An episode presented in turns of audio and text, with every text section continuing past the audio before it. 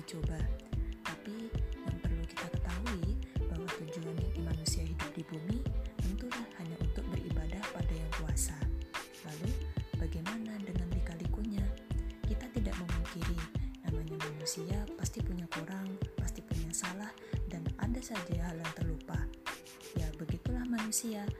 Tapi, adapun kesalahan dan lupa yang sering kita alami, Sampai membuat kita jatuh ke dalam wabah insecure dan overthinking. Itu jelas bukan karakter seorang muslim. Walaupun kita tidak menyangkal bahwa kita pasti pernah mengalaminya barang satu dua kali. Lalu, bagaimana yang harus kita lakukan agar wabah insecure dan overthinking tadi tidak sampai merajalela? Selain kita kembali lagi mengingat tujuan kita, kita juga mengingat dan memasang diri kita dengan target dan pencapaian.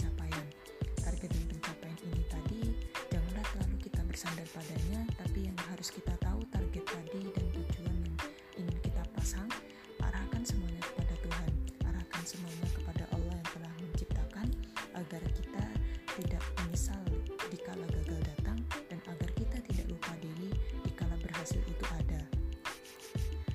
Menjadi manusia-manusia yang lebih baik tentu butuh perjalanan panjang.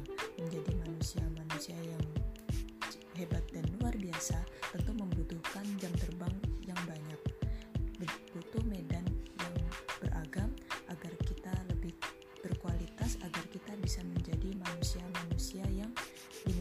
mission menjadi manusia yang lebih baik kenapa enggak?